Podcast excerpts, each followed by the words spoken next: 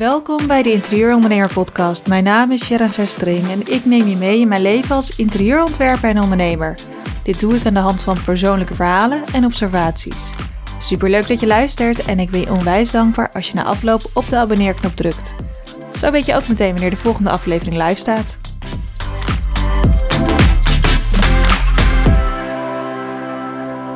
Woning moet bijdragen aan je geluk. Dat is een uitspraak waar ik maar al te erg achter sta. En dat is een uitspraak uh, die gedaan is door Dorette Schulkes in het boek Hoe krijg ik een heerlijk huis? En de vijf sleutels om zelf toe te passen. Uh, dit is een boek dat ik ongeveer een jaar geleden heb gelezen toen ik besloten had dat, dat ik echt van interieurontwerp me mijn dayjob wilde gaan maken, zeg maar. Toen ben ik uh, allerlei boeken gaan lezen die met interieur te maken te hebben, cursussen gaan volgen en uh, al dan niet meer om een gereedschapskist vol met uh, tools om voor anderen ook droominterieurs te gaan realiseren, zo vol mogelijk werd. En dit boek is me wel bijgebleven, want het was anders dan andere interieurboeken van andere ontwerpers, vond ik. omdat het niet alleen maar vol stond met mooie plaatjes van hun door de ontwerper zelf ingericht interieurs. Maar ook daadwerkelijk gewoon handvatten die je echt kan gebruiken om van je eigen huis een droominterieur te maken. En die net even iets minder voor de hand liggend zijn dan dat ik in andere boeken gelezen had. Dus uh, ja, hier ben ik echt heel snel doorheen gegaan. ook, ook, gevuld met mooie plaatjes, maar uh, de vijf sleutels en de voorbeelden die ze erbij geeft zijn gewoon heel erg praktisch. En kun je zeker wat mee. Uh, dus dit is ook een heerlijk boek voor als je ja, gewoon zelf met interieur bezig bent. Maar ook voor de professional. Zeker een aanrader om weer eens een keer uh, de kijk van een andere interieurprofessional te lezen op deze zaken. Nou ja, goed. Zij uh, heeft het dus in het boek over vijf sleutels. Van hoe krijg ik een heerlijk huis? de vijf sleutels zijn daglicht, onbewuste signalen, rust, eerst jezelf en techniek is ook weer een lekker marketingtrucje achter, want de eerste letters van deze vijf sleutels uh, spellen Dorette, wat de naam is van de ontwerpster en schrijfster van het boek. Uh, dus uh, super marketingtrucje. maar zo kun je ook ja, altijd nadenken, oh ja, hoe zat het ook weer? Dorette, ja, ja daglicht, onbewust signalen, ja, nou goed. Je snapt hem wel. nou, ik ga niet in deze aflevering over alle vijf sleutels uitleg geven.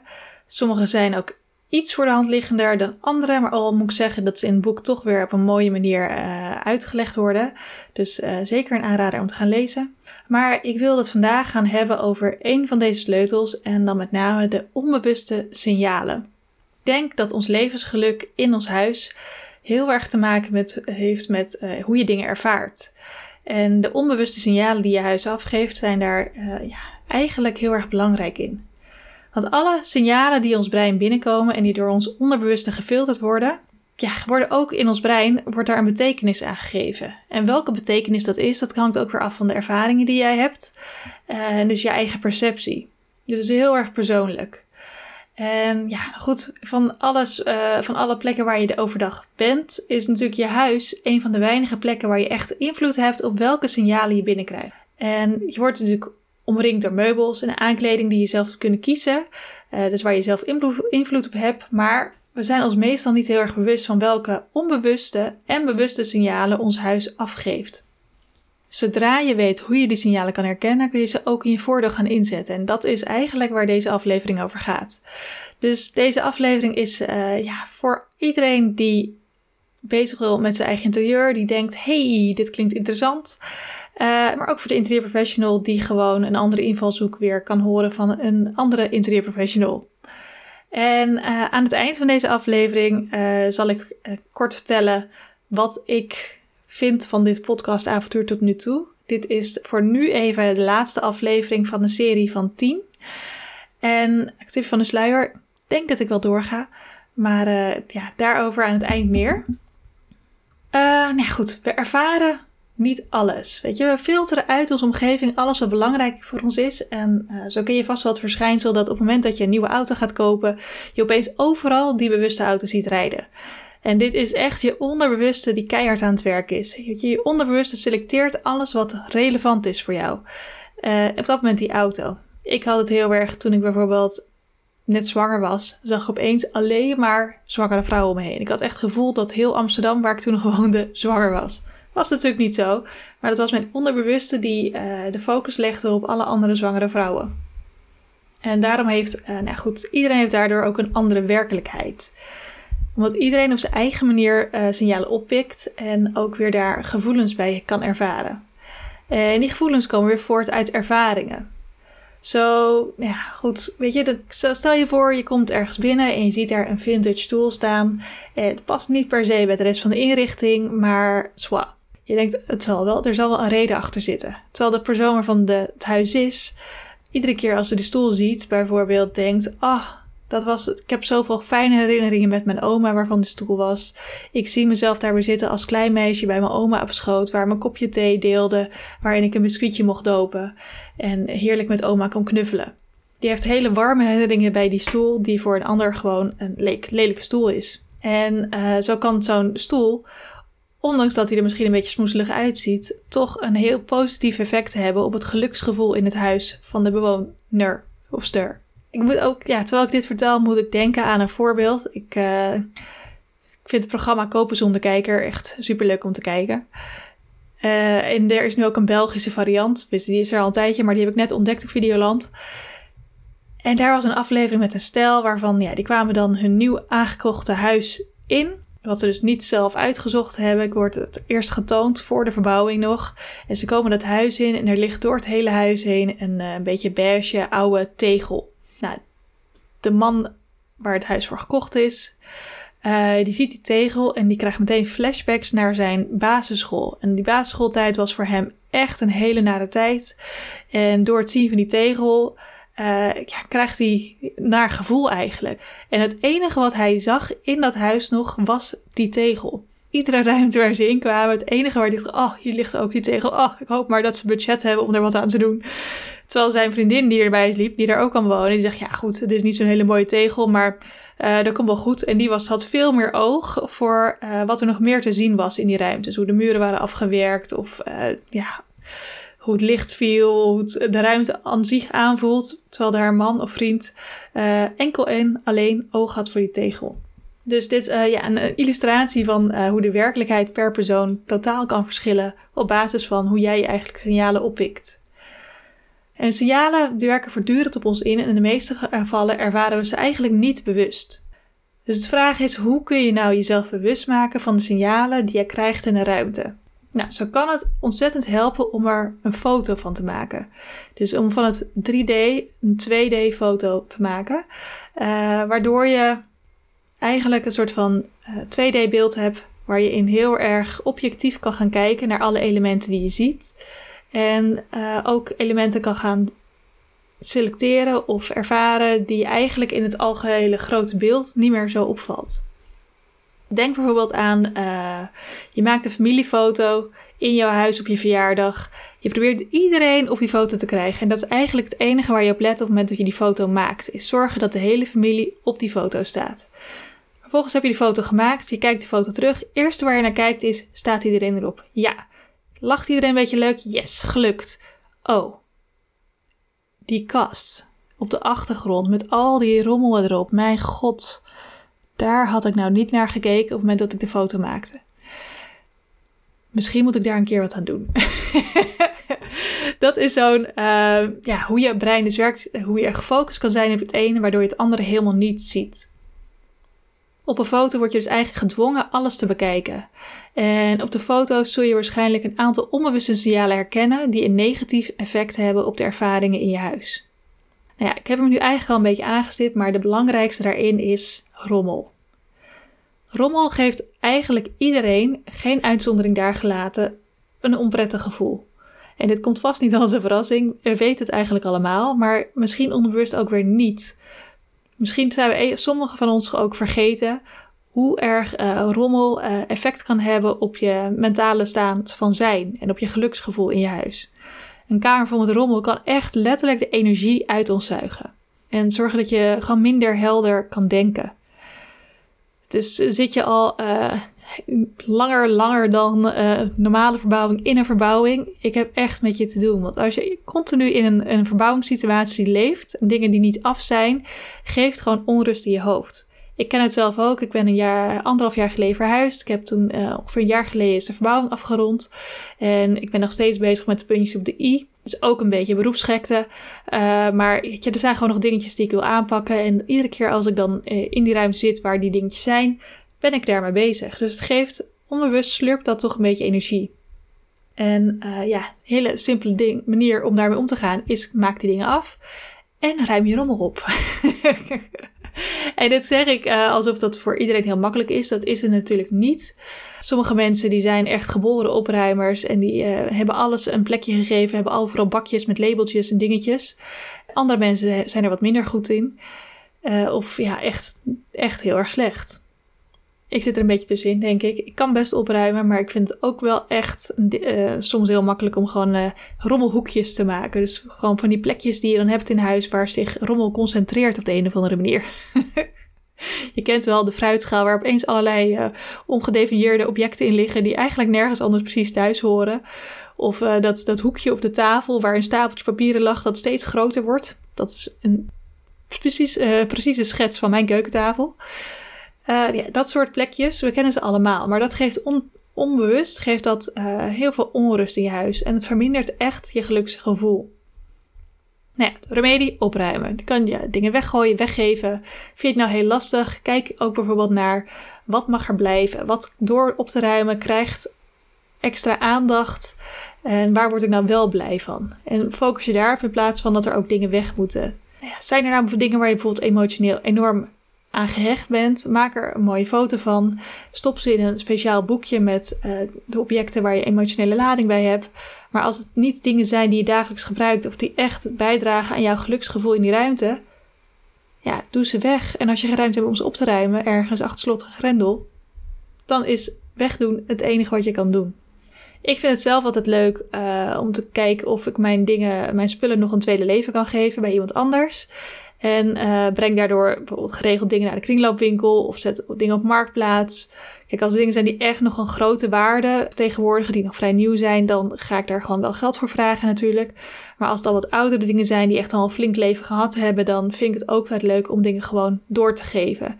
Dus dat ik dan gewoon voor 0 euro op marktplaats. Weet je, weet ik zeker dat er mensen zijn die daarop afkomen, die uh, het zelf ook niet zo breed hebben en die er weer ontzettend blij mee zijn. En dat geeft mij weer goed gevoel en is natuurlijk ook goed voor, uh, ja, voor de wereld. Even een beetje wereldverbeteraar zijn. Maar goed, ben je er zelf dus niet zo goed in? Vraag dus om hulp. Geef jezelf soms een beetje bedenktijd. Maak ook een tafel met misschien weg.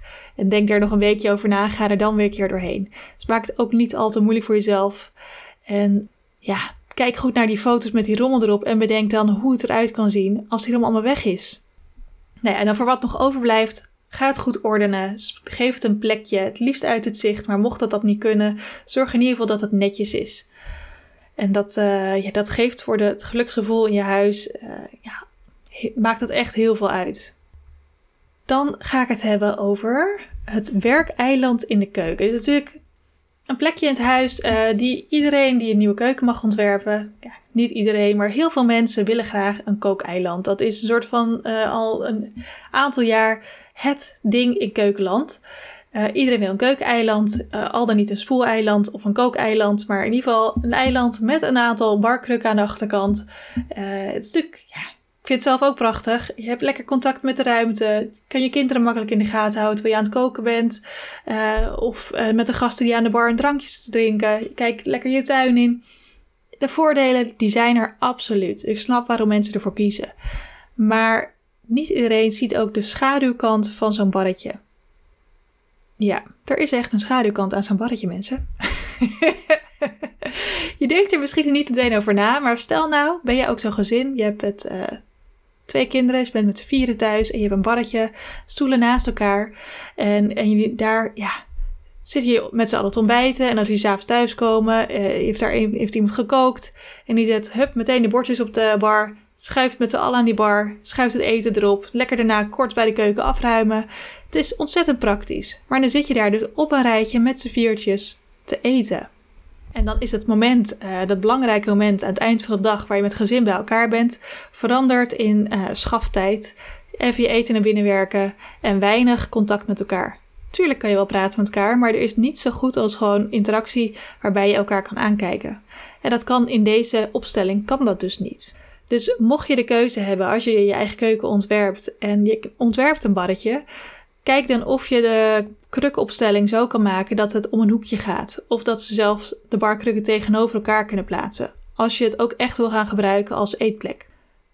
Wat je ook kan doen om te zorgen dat je het niet als eetplek gaat gebruiken, is zorgen dat er minder barkrukken zijn dan mensen in je gezin. Want dan word je automatisch uitwijken naar uh, de eettafel, omdat de bar te weinig ruimte biedt.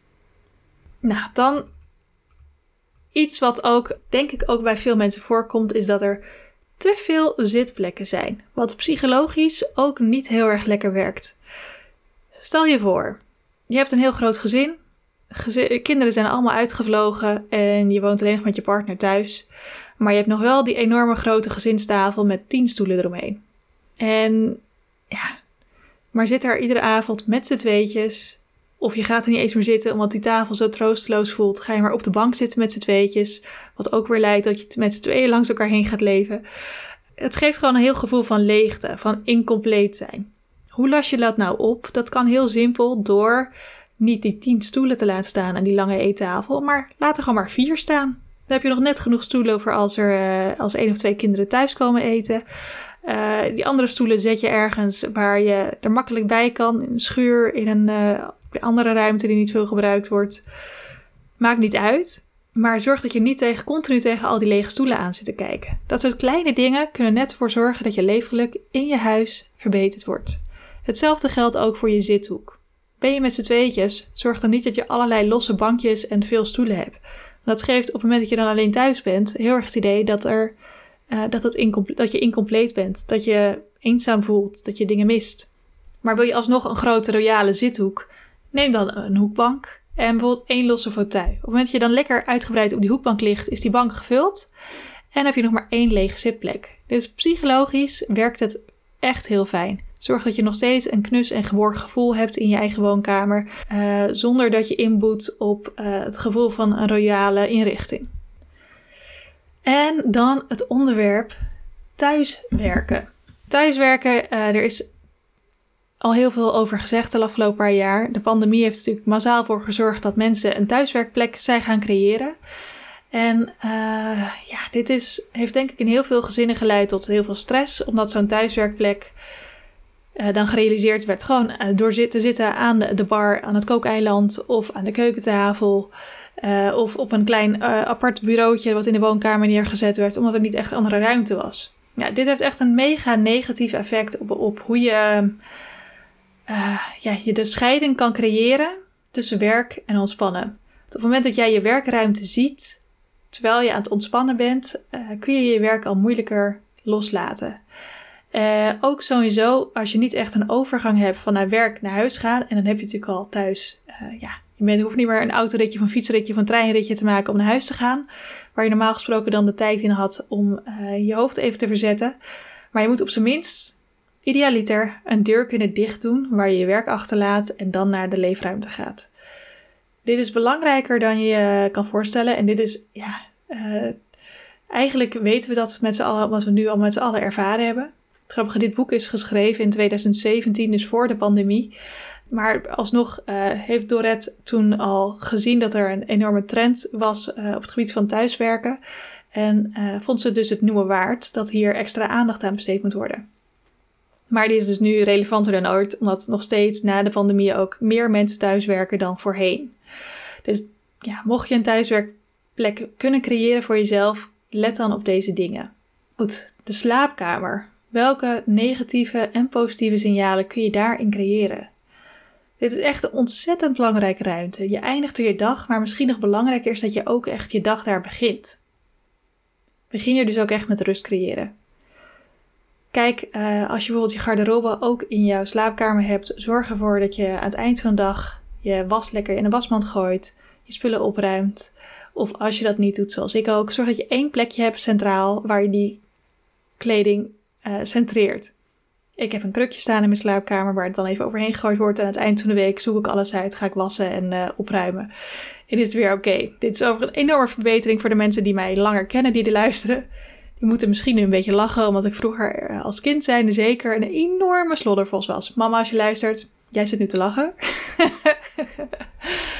uh, maar dat is door de jaren heen wel verbeterd. En uh, ik merk ook echt dat dat voor mij helpt om gewoon mijn rustmomenten te vinden op het moment dat ik naar bed ga. En dat ik wakker word en niet het eerste wat ik zie is rommel. Nou, werd in het boek ook weer een mooie illustratie gegeven van Dorette, die een ouder echtbaar uh, adviseerde. Nou, die hadden kleuradvies gevraagd, maar ze gaven zelf ook aan van ja, nou, deze muur tegenover het bed, daar moeten we echt iets mee doen. Want uh, hier hebben we wat lijsten hangen of wat dingen hangen die een beetje kapot zijn. Willen we al jaren iets aan doen, maar doen we eigenlijk niet, want we weten niet wat. Nou, toen had Dorette meteen geadviseerd, doe er alsjeblieft zo snel mogelijk iets mee. Want het eerste wat je iedere ochtend dus ziet, zijn die gebroken lijsten met inhoud die helemaal niks voor je doet. Nou, wat heeft dat echtpaar gedaan? Die heeft nieuwe lijstjes gekocht en gevuld met foto's van hun kinderen en kleinkinderen. Uh, waar ze zelf aangaven in een gevolggesprek met Dorette dat ze daar ongelooflijk blij van worden. Iedere ochtend als ze wakker worden, dat ze dat zien. Dus ze hebben iets negatiefs omgedraaid naar een positief signaal. Ja, wat ze dus bijdraagt aan het geluk in hun huis. Dus uh, ja, negatieve signalen. Dus je hebt naast elkaar eten, stimuleert langs elkaar leven. Lege stoelen laat je eenzamer voelen dan nodig is. En thuiswerken kan maken dat je minder je werk kan loslaten. Nou, in de omgevingspsychologie wordt ook vaak het woord nudging gebruikt. En dit betekent dat wanneer, de omgeving, uh, dat wanneer je omgeving kan je ook aansporen tot bepaald gedrag en zo figuurlijk je een duwtje in de rug geven. Bijvoorbeeld, wanneer je minder tv wilt kijken, zou je de tv minder prominent kunnen laten zijn. Kan kleiner maken, maar stel je hebt toch een hele grote tv, zorg dan dat hij verborgen is. Dat je er een kast voor, de kastdeur voor kan schuiven. Of dat het een uh, Samsung Frame TV of een andere kunst-tv is die uh, tv een kunstwerk laat lijken als hij uit is. Zorg dat hij minder opvalt. Want als hij minder opvalt, zul je ook minder geneigd zijn ernaar te gaan kijken. Omgekeerd werkt het natuurlijk ook. Bijvoorbeeld als je graag muziek maakt, maar je merkt dat je er eigenlijk te weinig tijd voor hebt of maakt zou je dit kunnen oplossen door je muziekinstrument echt een prominente plek te geven in je leefruimte. En zorg dan ook voor dat je echt een plek creëert waar je graag dat muziekinstrument bespeelt. Zo krijg je positieve signalen vanuit je ruimte om datgene te gaan doen wat je zo graag wilt doen. Om dat doel te bereiken van vaker oefenen of spelen op dat instrument. Nou, zo zijn er ook, dit zijn al voornamelijk uh, signalen die je krijgt vanuit het interieur, maar is er ook bijvoorbeeld een, uh, ja, wat in het boek omschreven wordt als een bijzonder signaal. En dat zijn uitwendige hoeken in een ruimte. Deze zien we onderbewust als een beëindiging. Zo zie je vaak uh, in L-vormige kamers dat zo'n kamer in twee of maximaal drie zones wordt ingedeeld. En dan eigenlijk die twee zones, vaak zie je dus twee zones in de uiterste hoeken van die L. En dan de ruimte ertussenin die hoek verbindt uh, wordt meestal niet goed benut, omdat het ja, gezien wordt als een soort van loze ruimte of uh, vindt veel mensen moeilijk. En die proppen dan bijvoorbeeld zo'n eethoek precies tot waar zo'n zone eindigt.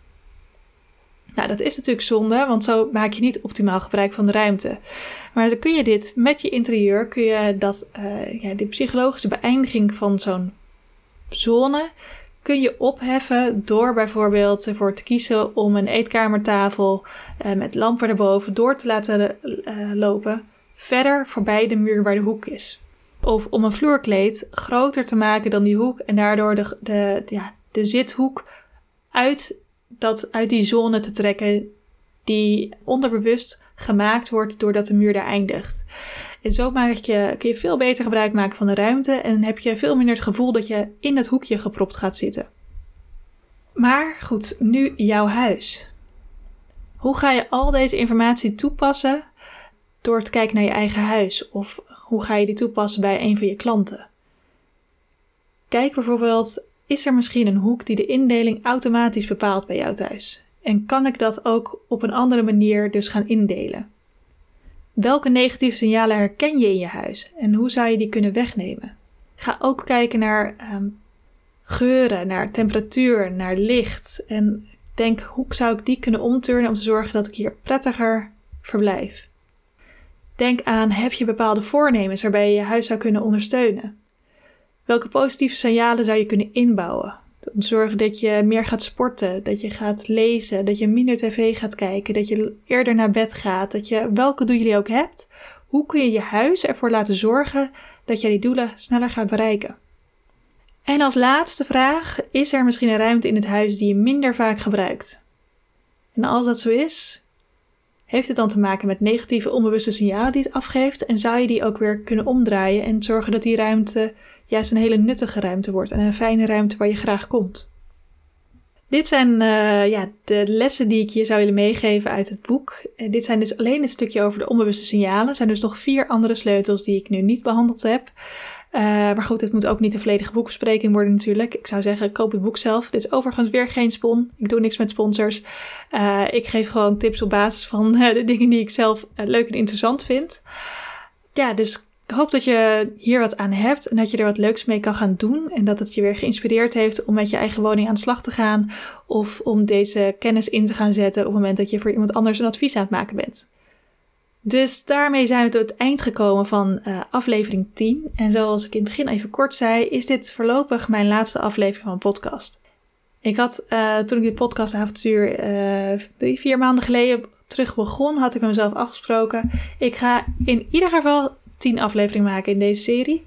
En daarna ga ik evalueren om te kijken ja, wat ik ervan vind. Vind ik het nog leuk? Ik wilde ook niet te snel gaan opgeven, want binnen podcastland schijnt dat de meeste podcast uh, na zes of zeven afleveringen al stoppen omdat uh, ja, de makers dan uh, of geen inspiratie meer hebben, of te weinig luisteraars hebben en dan stoppen, of gewoon niet meer gemotiveerd zijn. Dus ik dacht, ik ga in ieder geval tien afleveringen maken. Dan ben ik in ieder geval over dat punt heen al. Dus daar ben ik al heel trots op dat me dat gelukt is. Het ging echt de ene aflevering makkelijker dan de andere. Maar ik vind wel, iedere keer als ik er dan mee bezig was, uh, is het wel echt een feestje om te maken. Ik vind het ontzettend leuk om je, mezelf op te sluiten in mijn kamertje, achter die microfoon te gaan zitten. En het voelt een beetje alsof ik mijn eigen studiootje heb hier. En uh, ja, dingen te delen waar ik enthousiast van word, waar ik blij van word. En die hopelijk jou aan de andere kant kunnen inspireren om er iets mee te gaan doen. En anders hoop ik in ieder geval dat je het leuk vindt uh, om lekker naar te luisteren terwijl je wat dan ook aan het doen bent op dit moment. En dat heeft ook wel voor gezorgd dat ik uh, hier wel mee door wil gaan. Maar uh, op dit moment dus even een zomerbreak. Eventjes pas op de plaats. En ook even ruimte maken in mijn agenda om een paar dingetjes die maar continu in mijn backlog blijven staan op te pakken. Want hoe leuk ik het ook vind, zo'n podcast maken kost best wel wat tijd. Er gaat best wel wat tijd in zitten om het, ja, weer een onderwerp te bedenken, wat research te doen, het opnemen, vervolgens monteren, online gooien, stukjes schrijven, bedenken wat voor marketing ik wil doen uh, om de podcast uh, te promoten. En daar doe ik de ene keer heb ik daar wat meer tijd in gestopt dan de andere keer, ook afhankelijk van hoe mijn agenda op dat moment was. Was ook leuk om te zien wat voor effect dat had op uh, het aantal luisteraars. Ik heb een hoop al geleerd de afgelopen paar maanden van deze 10 podcasts. Maar ik wil ook gewoon even misschien het format een beetje gaan herzien. Het lijkt me leuk om interviews te gaan doen met andere interieurprofessionals of leveranciers. Of nou ja, goed, staat nog niks vast. En ik denk dat ik het elementje waarbij ik uh, veel ga vertellen over mijn dagdagelijkse dingen een beetje minder ga doen, zodat ik ook uh, de druk van iedere twee weken produceren kan veranderen in in één keer een hele bulk produceren en dan rustig releasen. Wat me ook heel erg fijn lijkt, zodat ik niet iedere twee weken uh, die deadline voel. Nou, dat is een dingetje waar ik een beetje mee bezig ben. Misschien dat ik over een, een maand denk, ik ga het totaal anders doen. Uh, nou, dan hoor jullie dat wel weer. maar uh, in ieder geval vond ik tot nu toe het heel erg leuk om te maken. En ben ik ook heel erg verrast door alle positieve reacties die ik krijg van de mensen die luisteren. Ik hoor mensen die mij benaderen, die luisteren, die mij gevonden hebben. gewoon door te zoeken naar de podcast of naar uh, ja, gewoon naar interieurpodcast en dan bij mij terechtkomen en me dan een berichtje sturen over hoe leuk ze het vinden. Dat doet mij ontzettend goed en dan weet ik in ieder geval dat ik het niet voor niemand aan het maken ben. Dus um, ja, tot dusver aflevering 10 van deze, van deze race podcast. Uh, nogmaals, als je luistert, als dit de eerste aflevering is die je luistert, ik zou zeggen, er zijn er nog negen die je nog meer kan luisteren. Ga ze vooral terugluisteren. Uh, zeg het voort en ik zou het ontzettend leuk vinden mocht je er meer dan één, mag ook als je één geluisterd hebt en je hebt daar feedback op. Maar zoek mij even op Instagram en stuur me even een DM. sharon.vestering.interiors. En uh, want ik ben ontzettend benieuwd naar wat mensen van mijn podcast vinden. Is het informatief? Praat ik te snel, te langzaam? Ben ik uh, goed hoorbaar?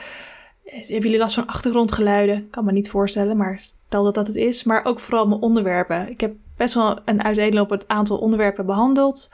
Zijn er dingen waar je meer over wilt horen? Uh, of juist helemaal niet. Je zegt, ik heb die aflevering beluisterd. Maar ook andere, maar die vond ik echt heel erg saai of minder leuk. Probeer het wel een beetje opbouwend en positief te houden. Want ik heb uh, nou ja, heel weinig energie beschikbaar voor negatieve mensen. Zoals de meeste mensen, denk ik. Dus denk daaraan. maar ik zou er wel ontzettend blij van worden als je de moeite neemt om mij um, ja, een berichtje te sturen met feedback. En natuurlijk ook heel erg blij word ik van een positieve review op het kanaal waar je luistert. Dus geef mij vijf sterren of een uh, berichtje of een comment. Of het ligt eraan welk, uh, welk kanaal je gebruikt, wat je kan doen. Maar dat zou ik ontzettend op prijs stellen. En daarmee wil ik graag deze podcast afsluiten. Zei ik nou afsluiten? Volgens mij zei ik afsluiten. Ik wil dus daarmee graag deze podcast afsluiten. En uh, ik hoop jullie allemaal weer bij het volgende podcast weer terug te horen. Doei doei!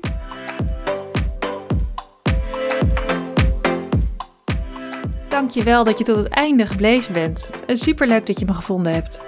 Ik vind het onwijs tof om in contact te komen met mijn luisteraars en te horen wat je van mijn podcast vindt. Ook sta ik open voor suggesties voor podcastonderwerpen. Je mag me altijd mailen naar info.sharonvestering.com en je kunt me vinden op Instagram als sharon.vestering.interiors, waar je me kunt volgen voor visuele toevoegingen bij mijn podcast. Daarnaast zou je me ontzettend helpen als je je abonneert op de podcast, zodat je ook zeker weet dat je geen aflevering zult missen. En het helpt mij stijgen in de ranking, waardoor de kans groter wordt dat anderen mij ook zullen vinden. Mocht je niet willen abonneren, laat dan even een review achter. Dit kan op verschillende manieren, afhankelijk van welke app je gebruikt om naar me te luisteren. En ook dit helpt mij om mijn bereik te vergroten. Dus mocht je deze podcast leuk vinden, uit die waardering dan. Mijn dank is groot. En tot slot wens ik je een hele fijne dag en tot de volgende keer.